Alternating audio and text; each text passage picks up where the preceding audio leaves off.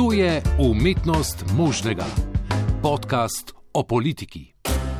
Lepo zdrav. Živijo, živijo, veš kako si. Ja, ne vem, gledaj, kakšne uh, usodne napake se dogajajo uh, v zapisnikih, uh, v osnutkih. Ne vem, zdi se mi, da je vrag vzel šalo. No? Pa danes imamo rekordno število uh, odkritih okužb. Um, verjetno spet prav, da povemo, kdaj to snemamo. To je danes sreda, datum 3. november, pol dveh. Hmm. Kaj, jaz sem vendarle upala, ne, da, bomo, da se bo ta zgodba s COVID-om počasi končala in moram reči, da napoved eh, še ene depresivne jeseni in zime mm, ni nekaj, kar bi si želeli. Ne. Upam, da, da, da se to ne bo zgodilo. Ne vem pa, kako naj se ne bi zgodilo. Razen, da sem prej, preden sem prišla v studio, prebrala, da so vrste pred cepilnimi mesti. Ne. Predvsem se cepijo tisti, ki grejo na tretji odmerek. Ampak, a poveva še enkrat, ne, ni druge rešitve. Ne, ni druge rešitve. Dosti je bilo, ne? dosti je bilo COVID-a. Res je, ni druge rešitve. Zdi se pa, da je zaupanje eh, tako nizko v vse institucije, v, na vse zadnje tudi v oblast, da se bojim, da cepljenje, eh, na cepljenje ni, ne gre več računati, da bi to bila rešilna bilka za to, da se izkobacamo iz ja. epidemije. Seveda pa si želim, da bi se čim več ljudi odločilo za cepljenje. Ja, da ne bova preveč uh, zašla, čeprav je to vse prepleteno, seveda z notranjo politiko in s tem, kar se dogaja v državi. Uh, četr, to je četrta epizoda druge sezone podcasta o politiki umetnost možnega, pripravljajo uh, jo Aleš, Aleš Kocjan, Radio Slovenija in Tanja Stariš, Televizija Slovenija. A, govorimo, kot rečeno, o notranji politiki, o burnem družbenem dogajanju in najni sogovorniki so praviloma ljudje, ki vse to spremljajo iz prve vrste. Ampak, ne, sva že začela, ne, mogoče neki stavko, preden predstaviva današnja gosta o tem, kaj se dogaja, poleg tega, da je epidemija znova v kritični fazi, morda najbolj kritični doslej kaj še pomembnega bilo, uh, vrh v Glasgowu, to bomo pustili uh, mogoče drugim, se malo dotaknili samo strani notranje politike, sicer pa burno dogajanje v parlamentu. Vlada pravi, da predčasnih volitev ne bo, ker bi škodile dogajanje v državi. Uh, imamo inflacijo interpelacij, še ena interpelacija, tokrat proti ministru Vizjaku. Pa imamo nove finančne pakete, ki bodo reševali gospodarstvo in družbo nasploh pred epidemijo. Nimamo pa 800 eh, tisočakov, ki bi rešili eh, slovensko tiskovno agencijo in kakor tudi zakon veleva, da bi morala vlada postopati. Tako da res zanimivo, da se najde toliko denarja, da bomo imeli 4 milijardni primankljaj na koncu leta. Uh, brez rebalansa, mi brez rebalansa, ne. ne. Ja, na to smo danes mi uh, zelo uh, odločno opozorili v naši srednji jutranji informativni oddaji. Um, EPP kotiček. ne, to, to seveda drži, ne, kolegi iz STA, mi smo z vami, ampak gremo na notranje politično dogajanje, predstavimo naša gosta. Z nami je Metka Majer, živijo, kaj ne rečem, Pop TV. Naša bivša sodelavka, ja. še malo pa bi, če bi se malo prej dogovorili za srečanje, bi lahko jo predstavili kot našo sodelavko z RTV, zdaj pa žal, ne, Metka povede, ful dolg čas v novi službi. Um. No, najprej, kot rečeno, sem zdaj torej v to hišo prišla kot obiskovalec. Ne, to se mi je zgodilo po zelo, zelo dolgem času. En mesec je, odkar uh, nisem več tukaj, zdaj sem pač uh, šla delati na drugo medijsko hišo. Zaenkrat je v redu, ampak kot uh, gostja moram reči, da sem se uh, rada danes vrnila sem, no, če tudi na drugo stran te hiše, ki nisem mimo grede zarisovana, tudi ne uh, radijskega mikrofona. Je pa nekaj res, da pa vam moram povedati, da je vajen podcast. Uh, da sem gotovo eden največjih oboževalcev tega podcasta in da sem po mojem poslušala čisto vse, no, ali pa skoraj vse, da ne, bom, da ne boste kaj dobila. Ampak, sami eh, taki so med poslušalci, sami ja. taki. Ne, pa treba je povedati, da se metka vozi v službo in iz službe. Ne, da. In da to najraje tudi tam počnem in tam imam tudi mir in zato res lahko zbrano poslušam in sem zato zelo vesela, da sem tukaj. Metka, tako bom rekel, dobrodošla v prostorih Radia Slovenija, dobrodošla na RTV kot obiskovalka, seveda pa čim prej dobrodošla tudi ne kot obiskovalka spet Tako. Ti pokrivaš notranje politiko zdaj na Pop TV, ne? Se si ja. tudi že pri na, mislim, na nacionalni TV. Uh, burno dogajanje, ne? Burno dogajanje spremljamo iz dneva v dan, je uh -huh. že mhm. danes gledalo, recimo, da bo mogoče malo bolj dolgočasen dan, pa se je skazalo, da v resnici tudi ne bo. Tako. Um, tako da danes spremljamo um, eno izjavo, ki so poslali nekateri člani SAZUja proti uh, autokratičnosti uh, oblasti in pa vodanju epidemije, predvsem z odloki. Um, tudi ugotavljamo, kot sem nekaj že omenila, recimo neka sredstva se krčijo, recimo za sodne vrste in tako naprej. Tak da se še naprej dogaja tudi, če. Um, Dogajalo se bo še bolj. Uh, še enega gosta imamo, ne? Kako, kako simptomatično iz bolniške postelje se nam iz središča Ljubljane oglaša naš sodelavec Metka. Metkin, bivši sodelavec televizije Gregor Drnavšek, drle, lepo pozdravljen. Zdravo, zdravo. Ja, res je. Ni to centrno, ampak je pa blizu, pa res je No, v bistvu sem zdaj za mizo, no. drugače pa tudi veliko post. Žal. Gregor, vidva z Metko sta se imela, po mojem, najrajši, ne? Mariborska violica pa uh, zeleni zmaj iz Ljubljane. No, zdaj, Gregor, živi, mislim, da zadnji uh, dober mesec nekaj zmoti, da sem jaz priznala neki, uh, torej, da so zeleni boljši, ampak pustimo ga v tem, naj tako bo. Ne. Sicer ni bila no, dolgoletna bivša sodelavca, ampak da se v resnici zdaj uh, kar precej vidiva, mogoče še več kot prej, ne? ker so na tistih dogodkih. Tako. No, ja. Pejmo potem pa kar dogodkom. Ne? Prejšnji teden uh, nova interpelacija. Rečemo, kakšno v teh interpelacijah, mogoče med kati najprej uh, četrta interpelacija, če se ne motim, to je sen, uh, se pravi, uh, zdaj prihaja že v parlament pravosodni minister, uh, na zadnje bilo že ena interpelacija proti ministru Vizjaku, pričakovano pred tem ministru Hojsu, šolska ministrica. Vmes pa smo slišali zanimivo izjavo enega od poslancev Desusa, da pričakuje, da eh, bo pravosodni minister izgubil svoj stolček. Ne? Kaj se dogaja, Medka? kaj si ti eh, videla in slišala? No, jaz in Gregor sva bila oba, ne? Eh, Gregor na tej uh, izjavi. In sicer zdaj moramo biti zelo natančni. Torej, mhm. Branko Simonovič je na tej izjavi na vprašanje, kako bo poslanska eh, skupina ali pa pač tudi on sam, torej glasoval pri teh interpelacijah, odgovoril nekako takole. Pa zdaj ga bom poskušala čim bolj natančno povzeti. In sicer rekel je, jaz mislim, da interpelacija proti Simoni Kustec ne bo uspela. Mislim, da interpelacija proti Marjanu Dikavčiču bo uspela. Kar se pa tiče ministrov Hojsa in pa Vizjaka, eh, pa mislim, da takrat za Vizjaka še niti ni bila vložena, ampak je bila napovedovana, pa bomo videli, ampak je treba zelo preučiti te očitke in v tem smislu, da ne zgleda v redu. In potem je na podu vprašanje kolegice novinarke, ali smo ga torej pravilno razumeli, torej da bo vsaj Marjan Dikavčič uh, torej nekako stal brez uh, ministerskega stavčka. Uh, tej kolegici je odgovoril, ne sprevračajte mojih besed. Torej, nekega eksplicitnega, jasnega odgovora, čeprav smo ga vsi enako razumeli in seveda imamo to posneto in bomo pač uh, to tudi. V priliki zavrteli. Če bo treba, tako. Uh, je pač bilo odgovorjeno takole. Seveda pa je dejstvo. Torej, Branko Simonovič je v poziciji, da pač dejansko govori o tem, ali bo minister padel ali ne. Uh -huh. Uh, torej, če se ne moti, pa popravite me, ampak mislim, da ima koalicija KUL skupaj z skupino nepovezanih poslancev 43 glasov in ostanejo uh, štirje glasovi desusa, ki so dejansko nekaj jeziček na tehnici. Zdaj tukaj je seveda neka situacija, ko Franca Jurše po vsej verjetnosti zaradi bolniške odsotnosti ne bo na glasovanju v teh interpelacijah, ampak še vedno torej to za uspeh torej interpelacije potrebni 46 glasov. In če bodo poslanci poslanske skupine desus, da se razumemo, glasovali uh, za, potem je to 46 glasov. Zdaj tu je seveda Robert Polnar, ki ni več član desusa, je pa še vedno v poslanski skupini. Uh, Uh, in to naj bi pomenilo to, to bomo videli predvidoma, koliko razumem, zdaj na naslednji redni seji boste te dve interpelaciji. Ja.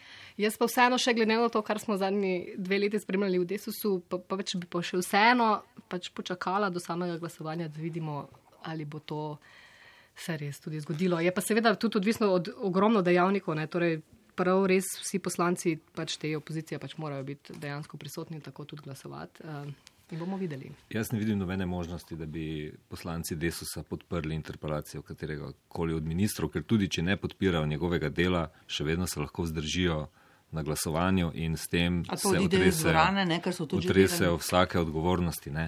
-huh. Tako za odgovornost tega, da, do tega, da minister pade, kot tudi do, na vse zadnje do tega, da obstane. Najlažje. Zdaj neke neuradne informacije so, da nekega navdušenja sicer tudi med drugimi uh, koalicijskimi poslanci, vsaj nekaterimi, to morda so neki namigi iz Nove Slovenije, da pač seveda nad eh, ministrom ni. Um, in da so pač ti očitki, pač dejstvo je, ne, da gre za ministra, tu ne gre v bistvu niti toliko uh, za njegovo politiko, ampak pač gre za to, da je seveda v sodni preiskavi, torej v kazenskem postopku in da uh, so ti očitki predvsej obremenjujoči in da nekega navdušenja pač že nad to izbiro uh, ni bilo. Ampak da bi se seveda zgodilo, torej, da pa kateri od koalicijskih poslancev, da bi dejansko pritisnil bom proti noto. Pa... Dejstvo pa je, da še ni eh, končana, oziroma še vedno se vleče saga z delegiranimi tužilci, ne, ki bi jih Slovenija morala zdavno imenovati. In ta minister tukaj ni naredil nobenega koraka v smeri, da bi se ta zadeva. Uh, Seznam je zelo dolg. Vsi vemo, da nobenega navdušenja ni bilo niti ob njegovem prihodu. Ne. Je pa res, da glas proti ministru je glas proti vladi in, in očitno te volje, tako nekako vsi sklepamo, pa še ni. Kaj misliš ti, Grega? Ja, glede Dikaučiča, jaz tukaj ne vem, nisem povsem prepričan, da ni možno, da bi interpelacija res ne bi uspela, čeprav je pa res ne. V bistvu desus trenutno sta samo dva glasova. Ne. Juršo smo že omenili, kakšna je njegova situacija, žal. Uh, pač uh, Robert Polnar nekako zelo uh, svoje glav poslanec. Ne. Uh, ki rad zelo uh, teatralno nastopa. Ne? To smo videli tudi prejšnji teden na enem od odborov. Mm -hmm. uh, in lahko morda preseneti, vsaj glede na to, kako uh, opeva v svojih izjavah, uh, tudi pred novinarji, to svojo nekako načelnost in tako naprej. Uh, tako da mogoče tukaj ne bi bil čist, bo pa z, m, verjetno najbolj tesen možen rezultat, ki, ki, bo, ki, ki smo ga videli, ki ga bomo videli, se mi zdi. Uh -huh. uh, pri ostalih interpelacijah pa mislim, da zadeva absolutno nima nobenega pogoja, da bi uspela. Pri Vizeku smo videli, kako je tudi nastopila recimo Nova Slovenija. Mm. In to je to. Se mi zdi, da bomo tako do konca mandata pač eh, spremljali tako, tak ping-pong, interpelacija, obramba in to je to. No, ampak je pa zdaj tudi dejstvo, ne, da če predpostavimo pa, da bi interpelacija uspela, kaj bi to pravzaprav pomenilo? Se to se v bistvu bolj sprašujem. Jaz ne, mislim, da nič. Jaz nič, mislim, da nič, nič mhm. preveč posebenega. Jaz mislim, da glavni eh, korak za morebitno spremembo je bil zamujen, zdaj mi popravite, je bil prejšnji teden, na koncu predprejšnjega tedna, pač uh, obstrukcija in zorčič primer. Glavni korak v tem smislu je bil zamujen takrat, ko bi se prav, uh, če bi obstrukcija uspela uh, in ne bi bilo zagotovljene večine oziroma kvoruma v, v, v dvorani, takrat menim, da bi se dal mogoče ne, uh, nekako spet pokazati na to, da vlada sama ni možna, zmožna uh, sprejemati, potrjevati kakorkoli že in da res nima večine uh, za tiste osnovne zadeve uh, spraviti čez parlament. Uh -huh. In se mi zdi, da je bila takrat ta zadeva malo bolj, uh, uh, malo večja priložnost je bila za kakršnokoli morebitno še spremembo v res zadnjih minutah podaljška skorda, kot pa recimo kakšna od interpelacij. Uh -huh. Se ti zdi, da je neko zamujeno sporočilo bilo uh, ta uh, seja prejšnji teden, na kateri ne bi pokazali, da vlada nima večine, zato ker je Zorčič ostal v dvorani? Mislim, jaz mislim pa tudi, ko sem se malo pogovarjal na okol, tudi, uh mislim, da je zadeva presenetila prav vse. Uh, tisti, Še Zorčič. Pač, absolutno Zorčiča, to, to, ravno to hočem povedati. Uh, Zorčič uh, ni razmišljal v tem smislu kot. Uh, zdaj v tem trenutku, pač kot se predstavlja opozicijski poslanec, ne glede na to, da je seveda tudi predsednik državnega zbora, kar je treba seveda do neke mere absolutno vzeti v ozir. Uh, gotovo pa ni računal na to, kaj sledi, kaj se bo zgodilo in kakšne bodo tudi reakcije vem, njegovih političnih sopotnikov, dela javnosti in tako naprej. In v bistvu uh, se mi zdi, da se je potem z uh, nastopi oziroma poskusi uh, opravičevanja svojega, uh, svojega obstanka v dvorani državnega zbora, uh, nekako samo še malo bolj zaplezu. Ampak zakaj to govorim? Uh, hoče, mislim, da lovi v nekem bazenu, ki je že relativno zelo izpraznjen. Ne? Ne, če vemo, da pač nekako zdaj res uh, ustanavlja svojo stranko, skuša ustanoviti stranko in tako naprej. Z župani, ne? ki so to potrdili. Tudi z župani, uh mhm. -huh. tako. Uh, ampak je veliko teh nekih uh, gibanj in tako naprej. Tudi povežimo Slovenijo, recimo, je zelo močno župansko nekako pokrito, vsaj v tem delu zaenkrat, predvsem vzhodnem. Uh, ampak hočem samo to reči, da uh, Zorčič uh, ribari tam, kjer ni več veliko riba. Uh, ker kaj se kaj zdaj ta največja? Ja, žal je tako, uh, ker kaj je največja fora?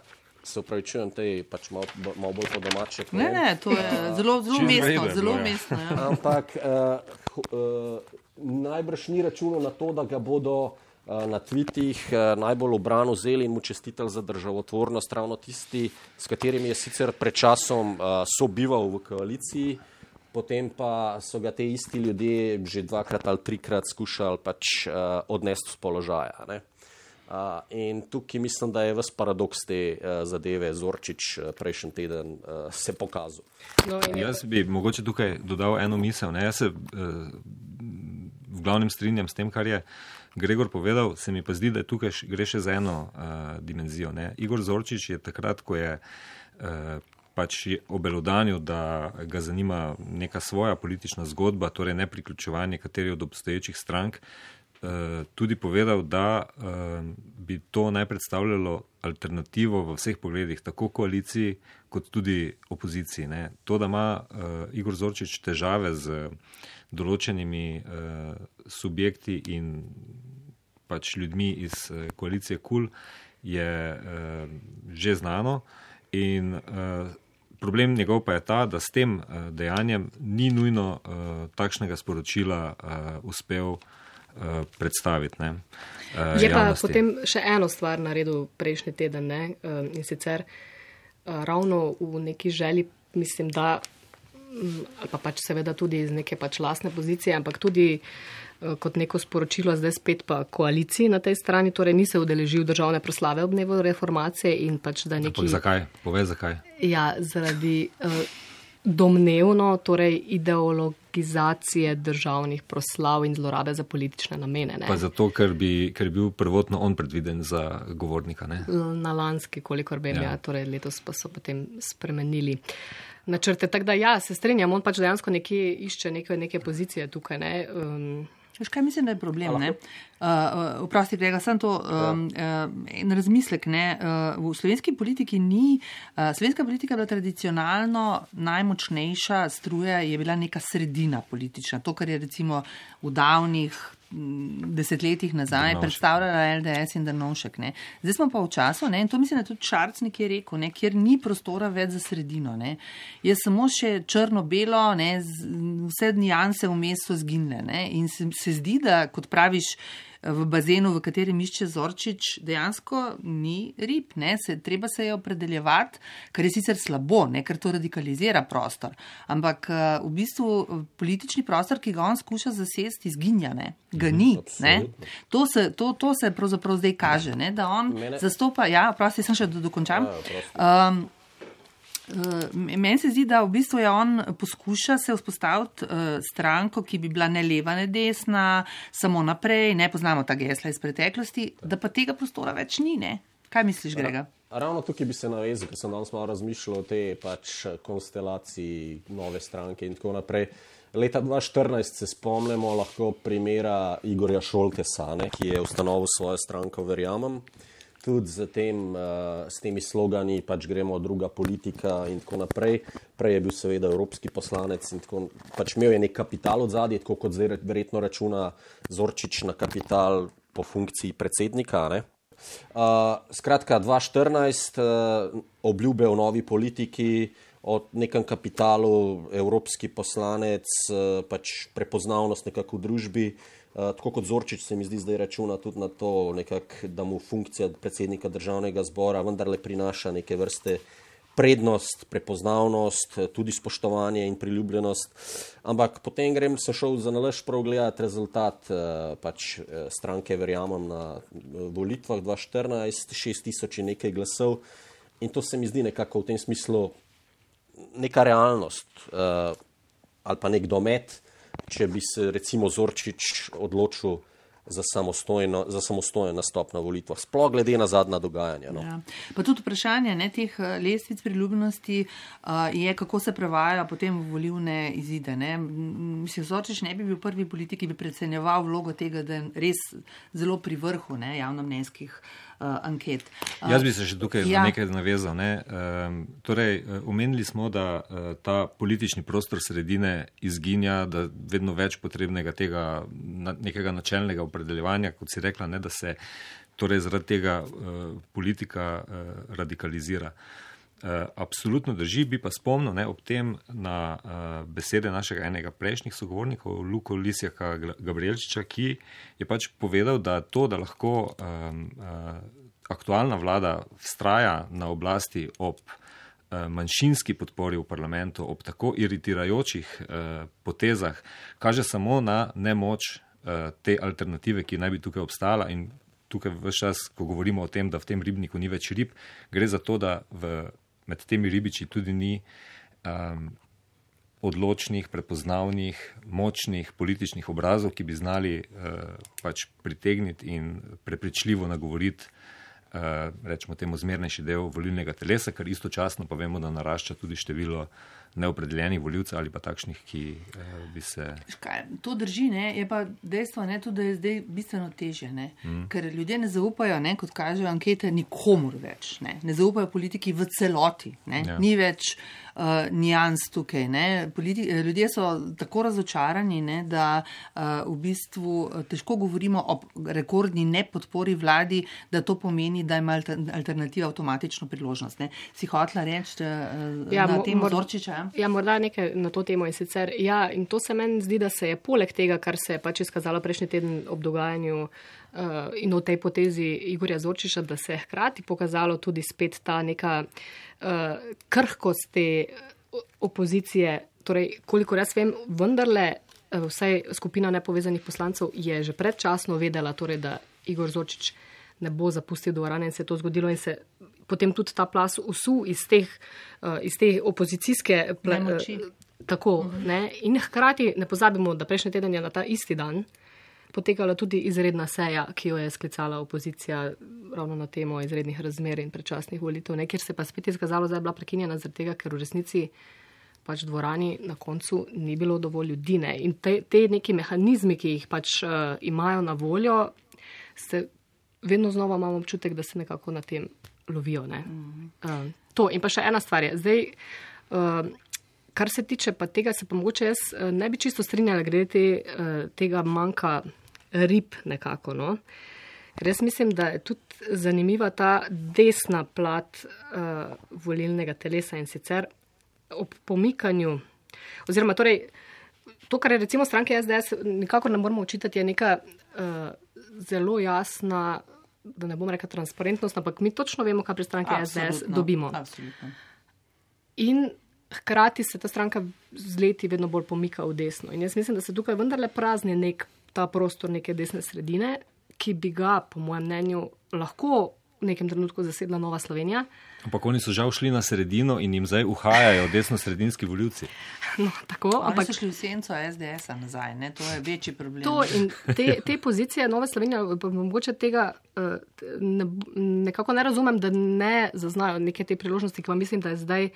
Pač so imeli zadnji dve leti, recimo od, od časa nastopa uh, vlade, da se pa zdaj počasi izginja. Torej, seveda tudi Matej Tonin je, se spomnimo, pozval oziroma zdaj nekako se ločil, želel ločiti od te politike SDS-a. Nismo tukaj zaradi ljubezni, ampak zaradi države. Ne, pa naslednja vlada bo vlada Nove Slovenije v smislu, bo spet se konstantno to povdarja, ne, uh, torej, da so oni najbolj odločilen faktor v tej politiki, ne, ampak dejansko so jih pač seveda pa kulovci zdaj zavrnili zaradi tega, ker sodelujo in se mi zdi, da so ta nek uh, moment uh, dejansko zamudili. In tu je v resnici pa še, pa še tretja stvar in sicer to, da mislim, da tako kot se je politika zadnji dve leti tikala ljudi, se doslej, ne vem pa me popravite, ni od, eh, po mojem, osamosvojitve naprej. Posegli so naše osebne Ta, eh, življenja, prostore, svoboščine, ne, iz objektivnih razlogov. Ne, seveda, tako, in zato mislim, da, pač, da je tukaj še veliko nekega prostora, za katerega pa zdaj pa še pravzaprav popolnoma nejasno, kdo ga bo zasedel in se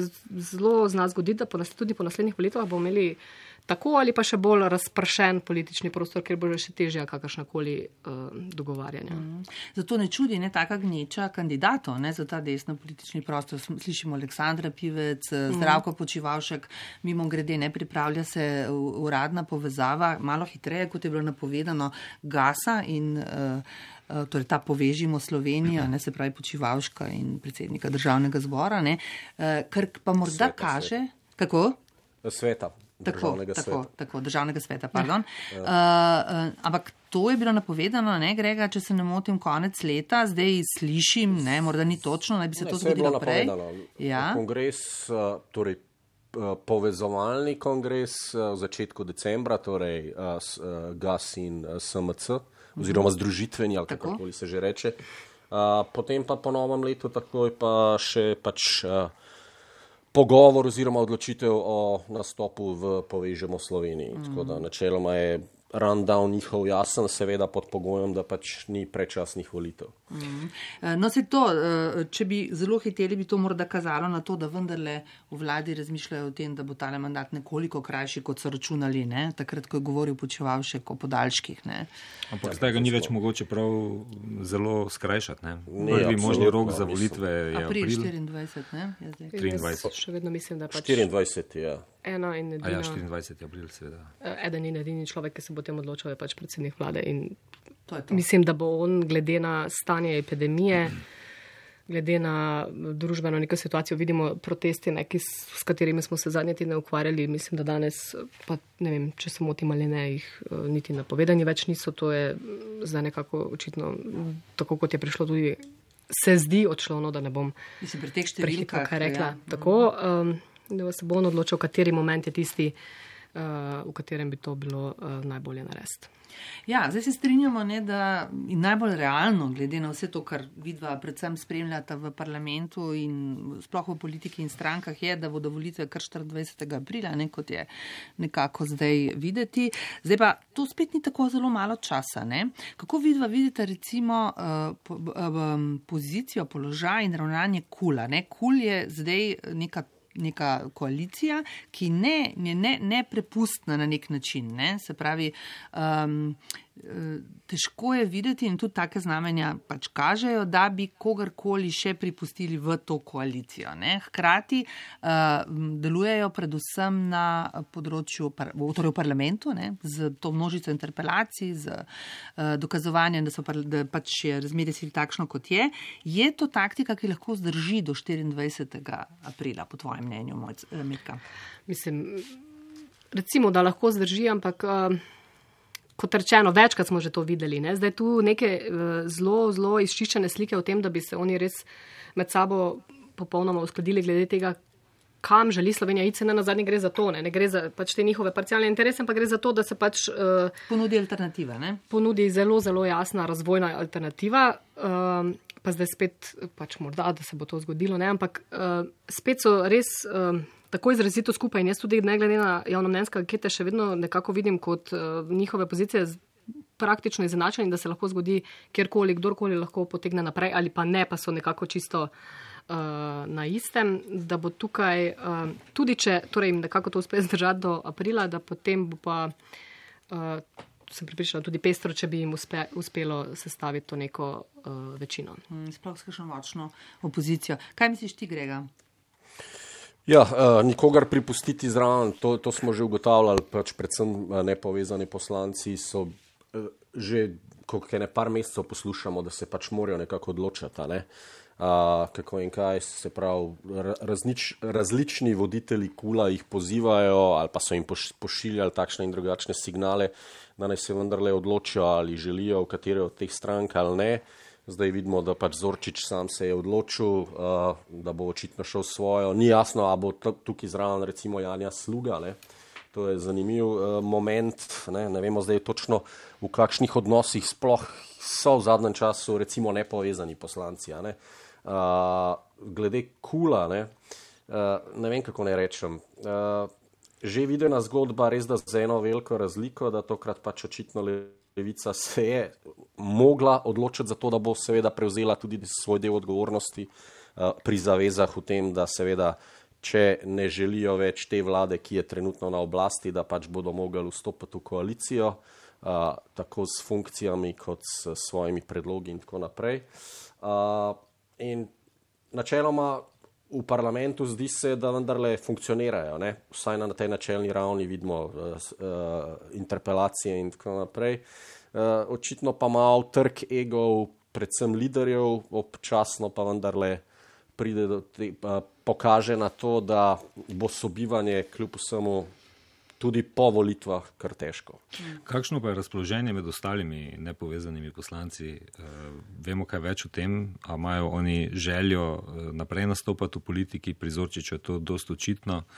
Kaj pa ostali? Pri, pri Rajču, jaz, ko, Mislim, pač da z njim smo se kar nekajkrat pogovarjali in tako naprej, sicer ne zdaj v zadnjem času, moram reči, da ne, a, neposredno. Ampak ja, pač seveda si želi, a, če je le možno naprej delovati.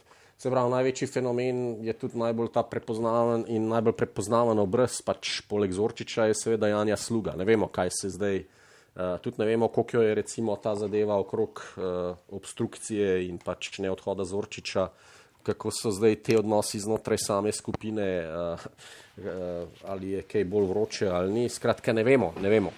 No, pa tu, Tanja, bi jaz rekla, mogoče, kar si prej rekla, da je še vendarle nekaj časa. Ne. Jaz v resnici mislim, da tukaj za to neke nove nastajajoče te stranke, pa v resnici mislim, da pa je časa Ravno prav. ravno prav, ampak skrajni čas, ne. torej, da se nekako pozicioniraš in da vendarle mora najti. No, jaz pa mislim, da je že premalo časa. No, Absolutno. tako- Jaz mislim, da je Tudi- zadeva. Mislim, moramo vedeti, da uh, pač smo navajeni na nove obraze, ne vem, v zadnjih treh, trojih volitvah. a ne.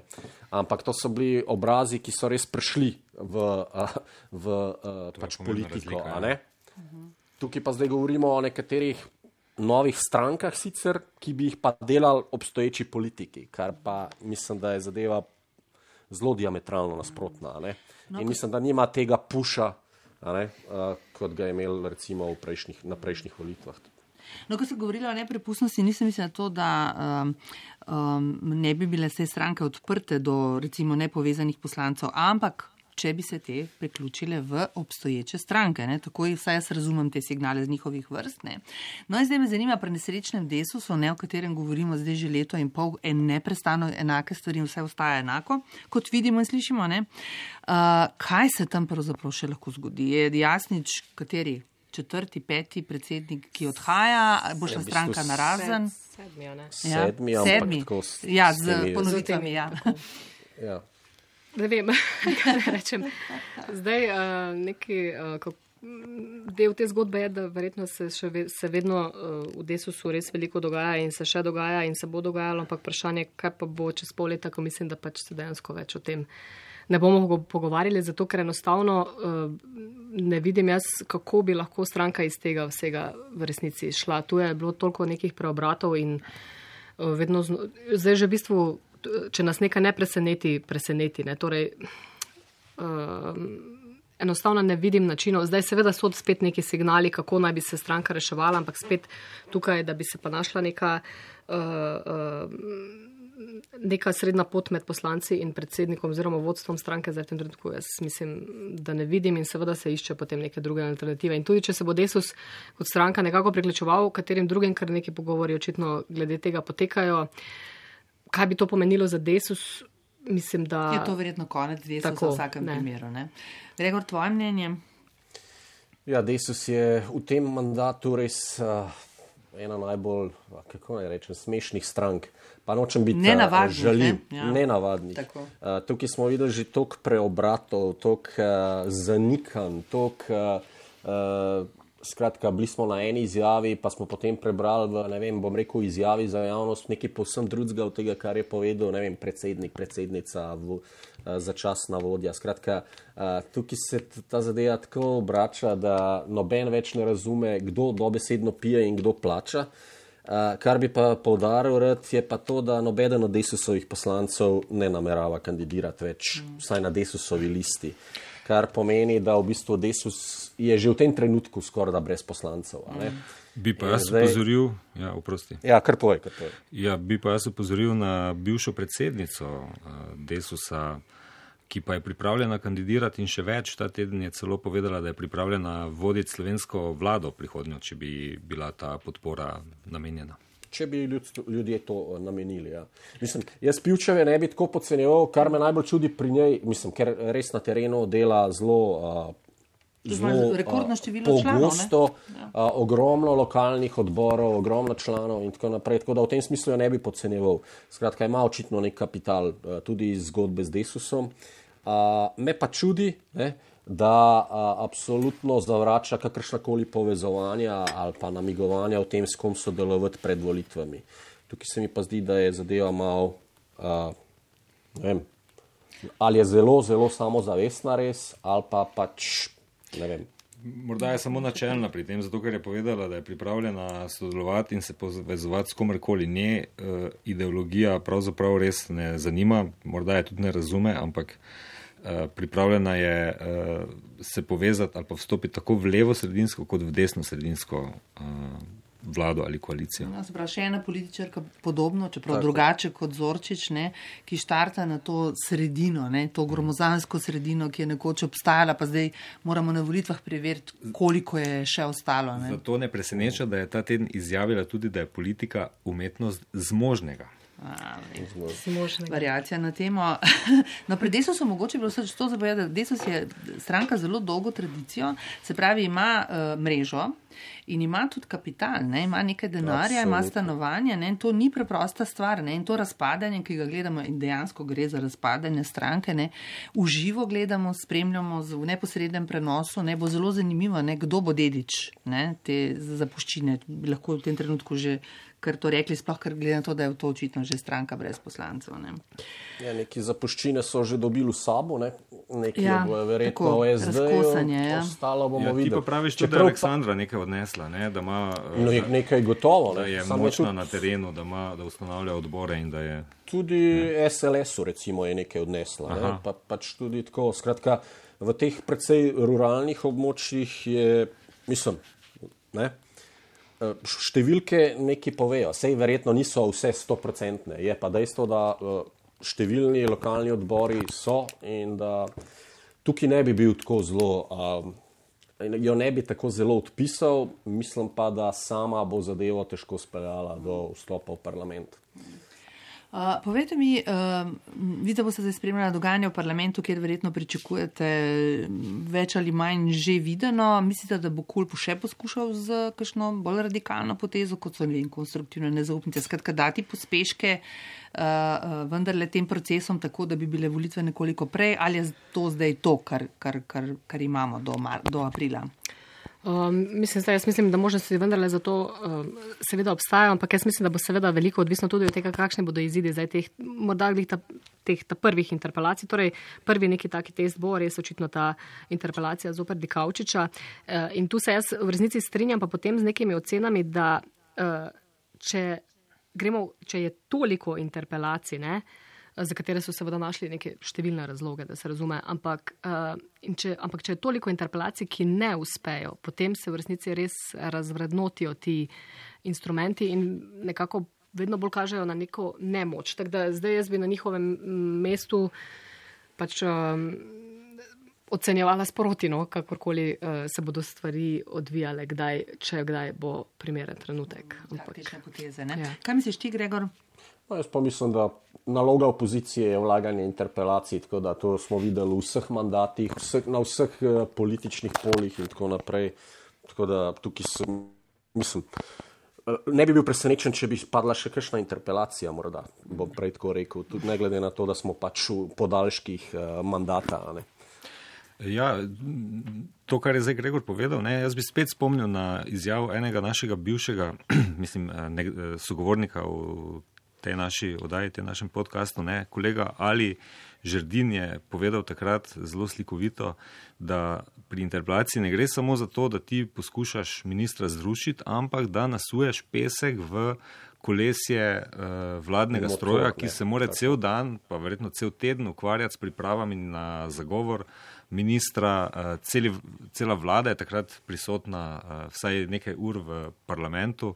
In to pač. Gotovo, interpelacija je urodje. Ne pa vprašanje, ali lahko to recimo še pol leta. Ja. Uh, vzdržuje to neko napetost in kakšen učinek ima tudi na ljudi. Ne? ne vemo, kaj se bo dogajalo, kaj bo z epidemijo, kako se bo uh, do dogodki razvijali. Eno vprašanje, ne, prihodnje leto je, to je sicer mal širše, ne, prihodnje leto je super volivno leto. Vse čas se pogovarjamo o parlamentarnih volitvah, te se zdijo in so ključne, ne, ampak imamo tudi predsedniške volitve, imamo tudi lokalne volitve. Ne. Najmanj, kar je zanimivo, recimo, kdo bo kandidiral za župana Ljubljane, naprimer, ali pa, a je sploh kakšen kandidat za predsednika, novega predsednika države, glede na vse kritike, ki letijo na Pahorja.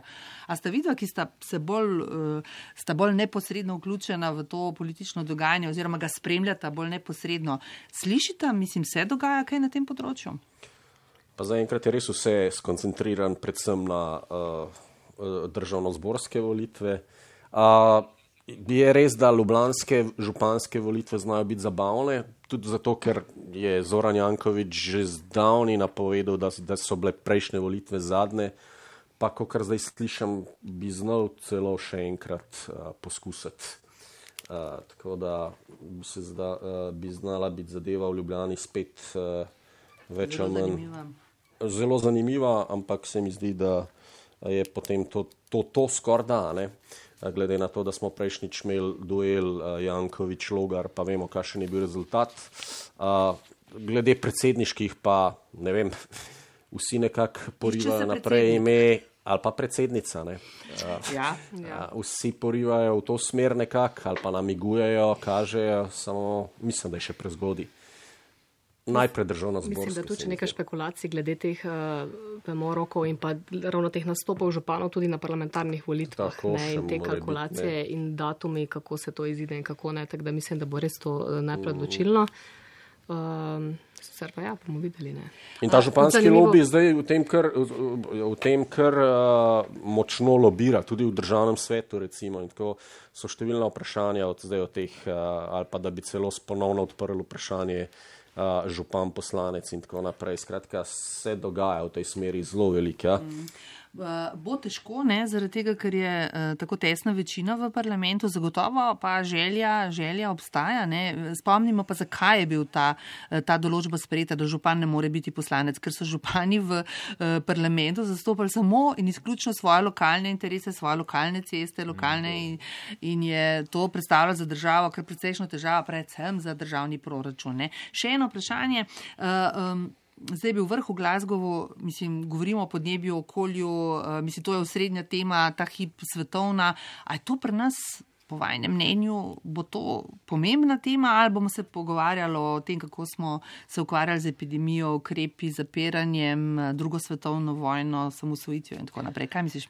No, tu pa jaz mislim, da pa, pač, pa je res odgovornost Tako. nas medijev, da mhm. pač ta vprašanja odpiramo. Gre za izjemno resna vprašanja veliko se o tem na načelni ravni govori, ampak uh, nekako jaz še zdaj nimam občutka. In ja, vse stranke nekako imajo to kot neko osrednjo, mislim, kot nek zapis nekje, ampak da bi pa neke res. Resne rešitve uh, pač na tem področju, ali pa neke inovativne rešitve bile. Uh, ne vem, ali ste brali mogoče uh, knjigo kolege Videmška Plan B. Uh -huh. No, jaz moram povedati, da je nisem do konca in to izključno iz te neke, torej on tam našteva seveda torej neke rešitve, ki jih so neki kraji ali države po svetu našle. In mene je na sredi te knjige nekako, enostavno sem jo umaknila iz neke, mogoče neke čustvene reakcije na to, da kako neka taka država kot je Slovenija, kjer, ki je majhna, ki ima veliko nekih naravnih danosti, uh, kako se ne, enostavno ne ukvarjamo s tem vprašanjem, ker se mi zdi, da bi se veliko lažje mi nekako obrnili in našli neke uh, rešitve uh, in bi bili nekako lahko nek vzor, pa se zdi, da se politika zdaj čisto zares, pravzaprav s tem ne ukvarja dovolj. In ja, mislim, da bomo pač tukaj mi, novinari, tisti, ki bomo tudi zastavljali ta vprašanja v predvoljni kampanji in seveda potem kasneje. Potiskali te teme v spredje Tako. in zahtevali jasne odgovore ne, v tem ja. smislu. Uh, Gregor, kaj ti vidiš, kakšno priložnost, ne vem, Leben je ustanovil stranko, ne, ki je, imamo nekaj zelenih strank, to ni to verjetno, ne, kar, kar, kar se ta hip pogovarjamo ali pač? Jaz ne vem, mislim, Leben kot ime lahko prepriča mogoče koga. Ampak ne vem, če, če med nami štirimi recimo, se kdo zdaj le skuša spomniti, kdaj je na zadnje eh, gospoda Lebna videl z nekim svojim strankarskim eh, aparatom na kakšnem dogodku ali kakorkoli. Jaz se ne spomnim, iskreno povedano. Hočem samo povedati to, da pač se mi zdi, da eh, ta zelena politika pri nas je mal. Eh, preveč, uh, preveč je razdeljena, v, zdaj kaj imamo, zelene Slovenije, pa imamo recimo nekako uh, našo deželo, pa imamo zdaj ta zdaj in tako naprej. Preveč je razparcelirana, da bi lahko realno zelena politika stopila v spredje. Kar se pa tiče pomembnosti vprašanja zelene politike, pa absolutno je pomembno. Sam se mi zdi, da bo na naslednjih in bi mogli biti na volitvah oziroma v volilni kampanji absolutno ena prioritet, ampak se mi zdi, da na letošnjih oziroma na prihodnih, na volitvah prihodnje leto bodo te teme predvsej v ozadju. Ja, res je to, kar je rekla Metka, ne, da, mogoče, da je to tudi na nas, ampak mislim, da bomo imeli toliko uh, drugih vprašanj, toliko drugih uh, aspektov.